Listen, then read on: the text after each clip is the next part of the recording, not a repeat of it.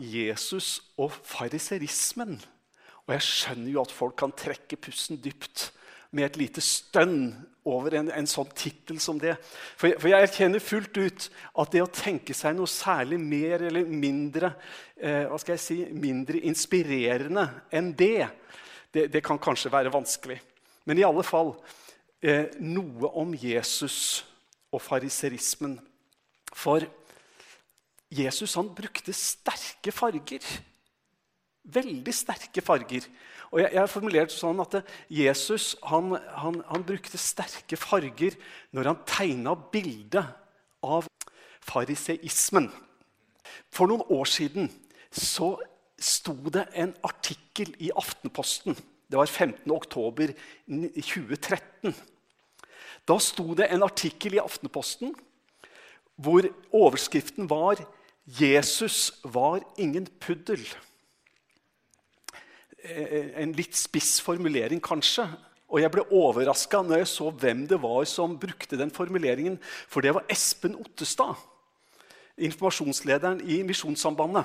Så han skrev i Aftenposten 'Jesus var ingen puddel'. Og eh, ja, det, det ser ut sånn som dette. Skal vi se. Eh, Jesus var ingen puddel. Når han kritiserte fariseerne, de religiøse lederne i Israel for 2000 år siden, var han knallhard. Og Så fortsatte han med å sitere fra Matteus evangelium 23. Ved dere skriftlærde og farisere, dere hyklere, dere ligner hvitkalkede graver. ut. Vendig er de vakre å se på, men innvendig er de fulle av dødningbein og all slags urenhet. Slik er det også med dere.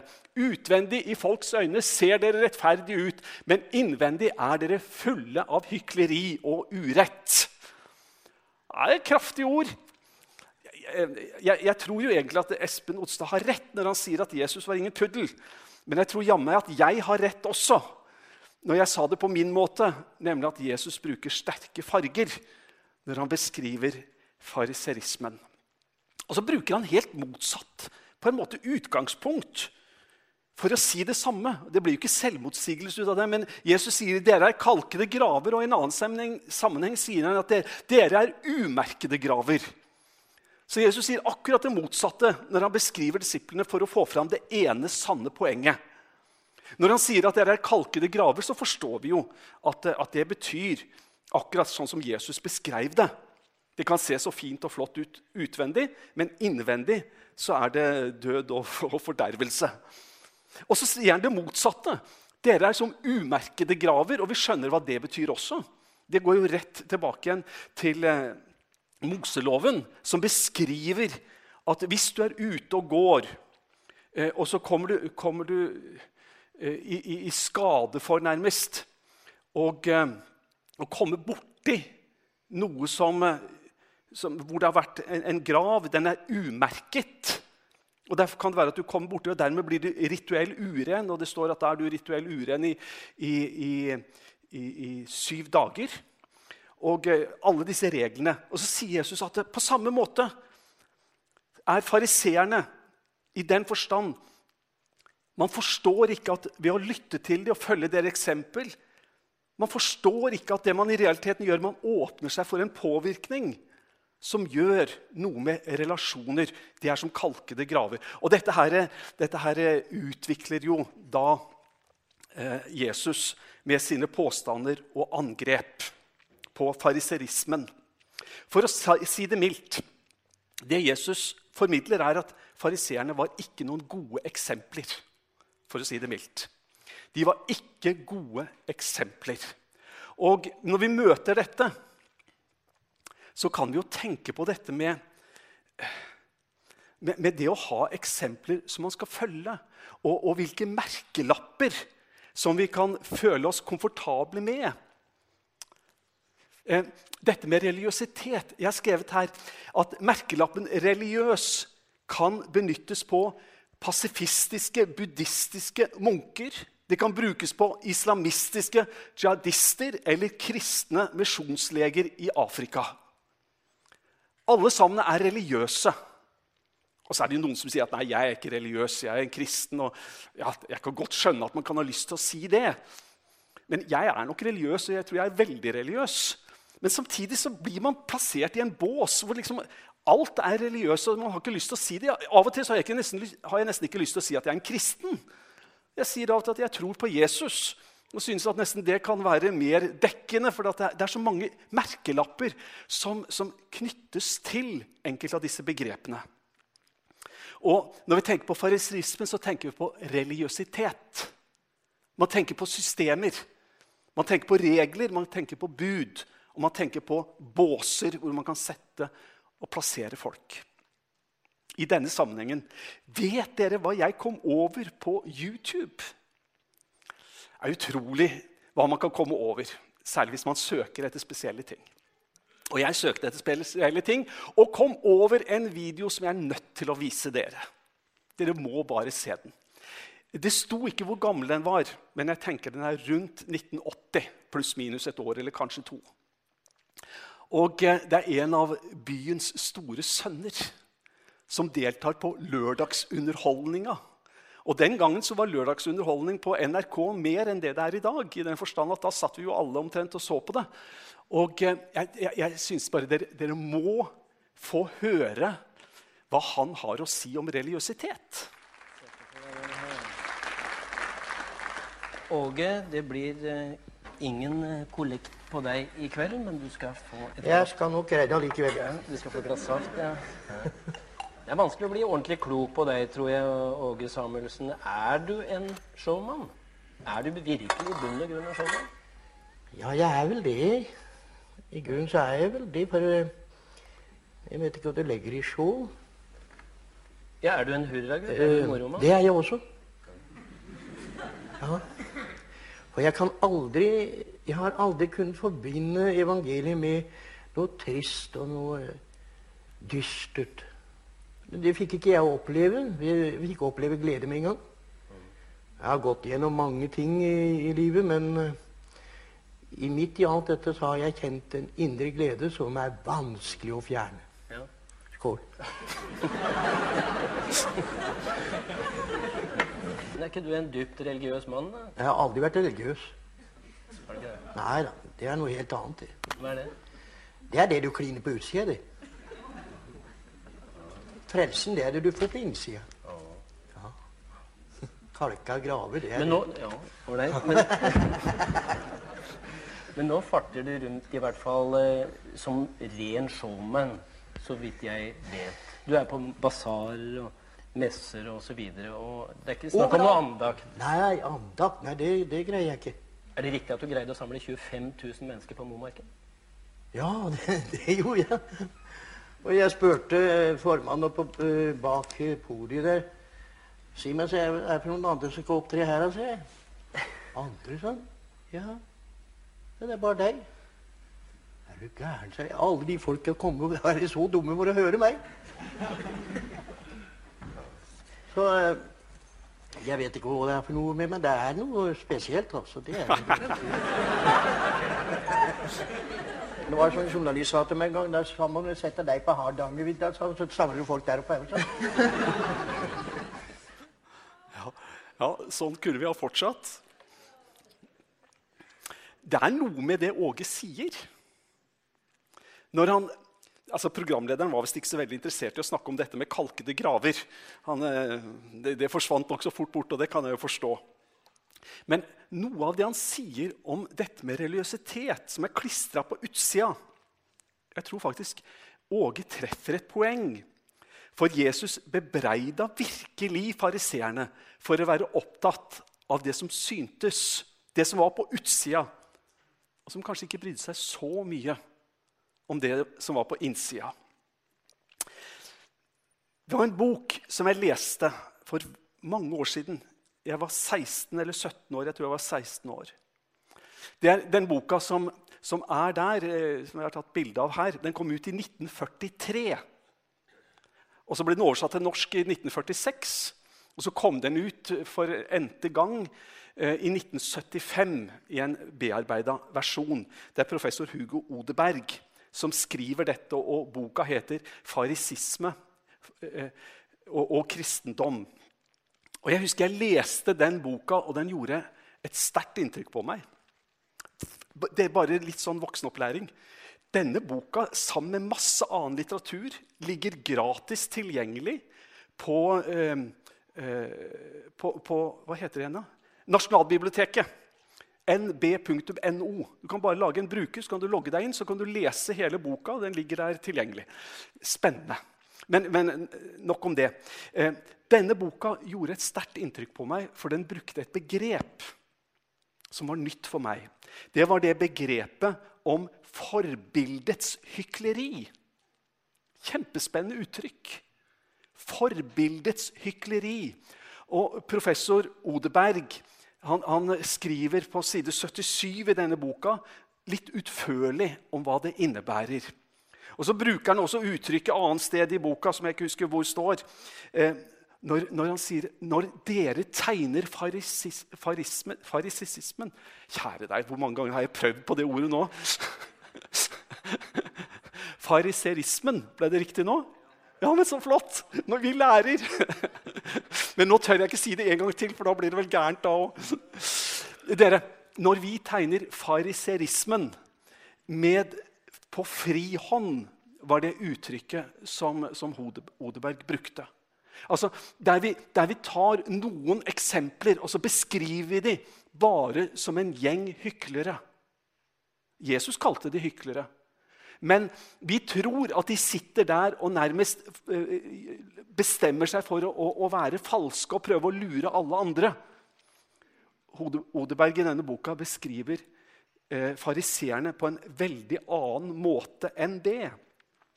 Han beskriver hvordan de blir dratt inn i forbildets hykleri.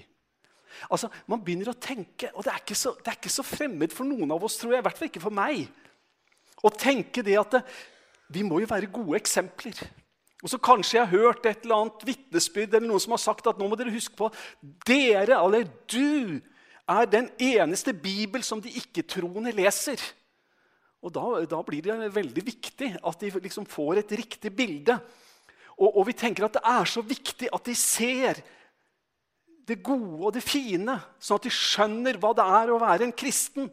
Og så blir man dratt inn i det som Odeberg kaller forbildets hykleri. Og Vi tenker at vi må være gode forbilder, og da blir det jo viktig for oss selvfølgelig å skjule det som ikke er så bra. Skjule det og, og, og, fremheve det som er bra, sånn at folk kan skjønne hvordan de skal leve og hvordan de skal være. Og så kommer vi inn i forbildets hykleri. Og Et lite sitat fra denne boka til Odeberg. Trangen etter å være et godt eksempel må nødvendigvis føre med seg at oppmerksomheten blir retta mot hva mennesket vil si, hvordan de vil oppfatte og bedømme ens handlemåte. Man blir altså på en måte fanga inn i at uh, man skal være gode eksempler. Dette lærte jeg som 16-åring, og, og, det gikk dypt inn i sjelen min. Og så vet jeg jo selvfølgelig at én ting er å, å, å, å, bli oppmerksom på det, en annen ting er å klare å etterleve det. For vi vil så gjerne være gode eksempler. Vi tenker det er en kristen plikt, og det er en dyd. Og sånn tenkte mange av fariseerne. Det er ikke sånn at de bare ville prøve å lure folk bevisst. Men de tenkte det mer som en, som en gudfryktig dyd. Å være et godt eksempel, for det er de kalt til å være. Og Jesus så forbi forbildets hykleri og kritiserte de for det og prøvde å få de til å forstå at eh, man kan være et eksempel ved å være ærlig, transparent, åpen og ha selvinnsikt nok til å forstå at man man er ikke fullkommen, og man blir ikke et godt eksempel for noen ved å prøve å late som at man er bedre enn det man egentlig er. 27 sekunder bare. En liten repetisjon. Bare 27 sekunder.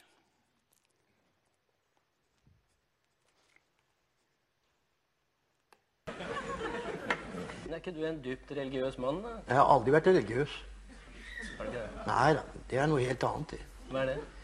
Det er det du kliner på utsida det. Frelsen, det er det du får på innsida. Kalka graver, det er Men nå Ja, ålreit. Men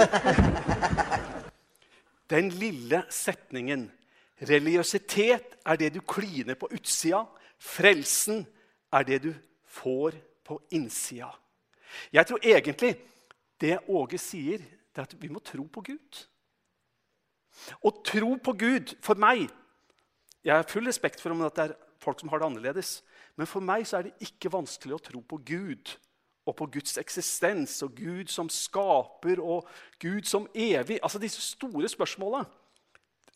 Jeg mener ikke å skryte, men for meg er ikke det vanskelig å tro på. Jeg tror det helt uproblematisk. Men å tro på alt han sier, det kan jo være litt vanskelig. Når, når han sier f.eks. at uh, vi er hans barn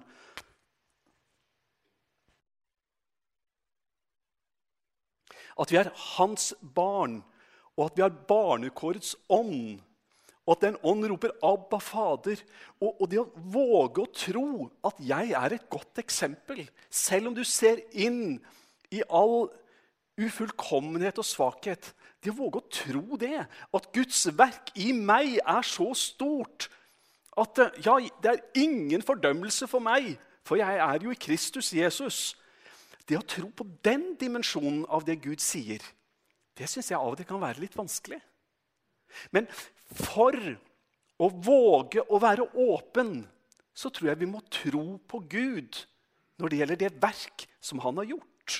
At han har begynt å gjøre noe i oss, det er ikke fullkomment. det vet vi alle. Han er ikke ferdig enda, det vet vi alle om hverandre. Men å tro at han arbeider med oss, og at ikke vi trenger å skamme oss at vi ikke trenger å prøve å skjule noe, at vi ikke trenger å prøve å late som vi er bedre enn det vi virkelig er. Det er motsetningen til hvordan fariseerne oppfatta deres kall og deres gudgitte oppgave. Og det å tro at Gud faktisk gjør noe i oss, det er at vi, tro at vi er en levende fortelling om Guds kjærlighet, Guds nåde.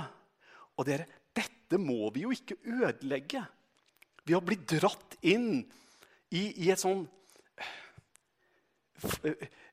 hykleri ved å prøve å være bedre eksempel og tro at det blir bedre av den grunn. Da ødelegger vi jo alt av å la folk se inn i hva Gud faktisk gjør og holder på med å gjøre. Til slutt jeg har lyst til å bare nevne en sånn vakker fortelling om Severin. Jeg vet jeg har sagt det før. Det var en av min fars gode fortellinger. Severin han var jo eh, en, en, sånn husmann. Han hadde en liten husmannspost. Kanskje en sånn plass som det. Og dere vet at eh, husmennene hadde en, en, liten, en, en liten gård og så måtte de ofte betale leie i form av å gjøre pliktarbeid hos storbonden. Og det var smått å være husmann for de fleste. Og så En gang så møtte Severin godseieren, og godseieren spurte åssen går det med deg. Hvordan har du det? Og Severin fortalte at det var slett ikke bare lett, og at det var lite med det meste. Og så skriver godseieren, som min far fortalte det, så skriver han Severin skal spise på kjøkkenet i dag. Og så undertegna han, og så ga han lappen til Severin. og Han var så glad og lykkelig og løper opp til eh, storgården og kommer inn på kjøkkenet til de som jobba der, og viste de lappen. Og han fikk en nydelig middag, for de hadde jo godseieren bestemt. Og så er det sånn som jeg opplever hver eneste dag. Og det verste at jeg tror jeg tenker på det omtrent hver dag òg. At etter ei stund så blir jeg sulten igjen. Jeg kan spise meg så god og mett og nyte alt. Men etter går det noen timer, så får jeg lyst på mer. Og sånn var det med Severin også. Dagen etterpå så var han sulten, og dagen etterpå så var han også sulten. Og så kom han til å se ned på lappen, og der sto det jo jammen at i dag skal Severin spise på kjøkkenet. Så Severin han så ned på den lappen og så bestemte han seg for å gå opp og prøve å se hvordan det fungerte. Og det fungerte akkurat like bra.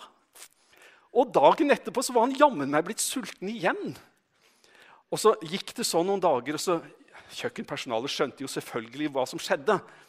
Og Så gikk de til storbonden og sa han, du Severin, hva skal vi gjøre med den?'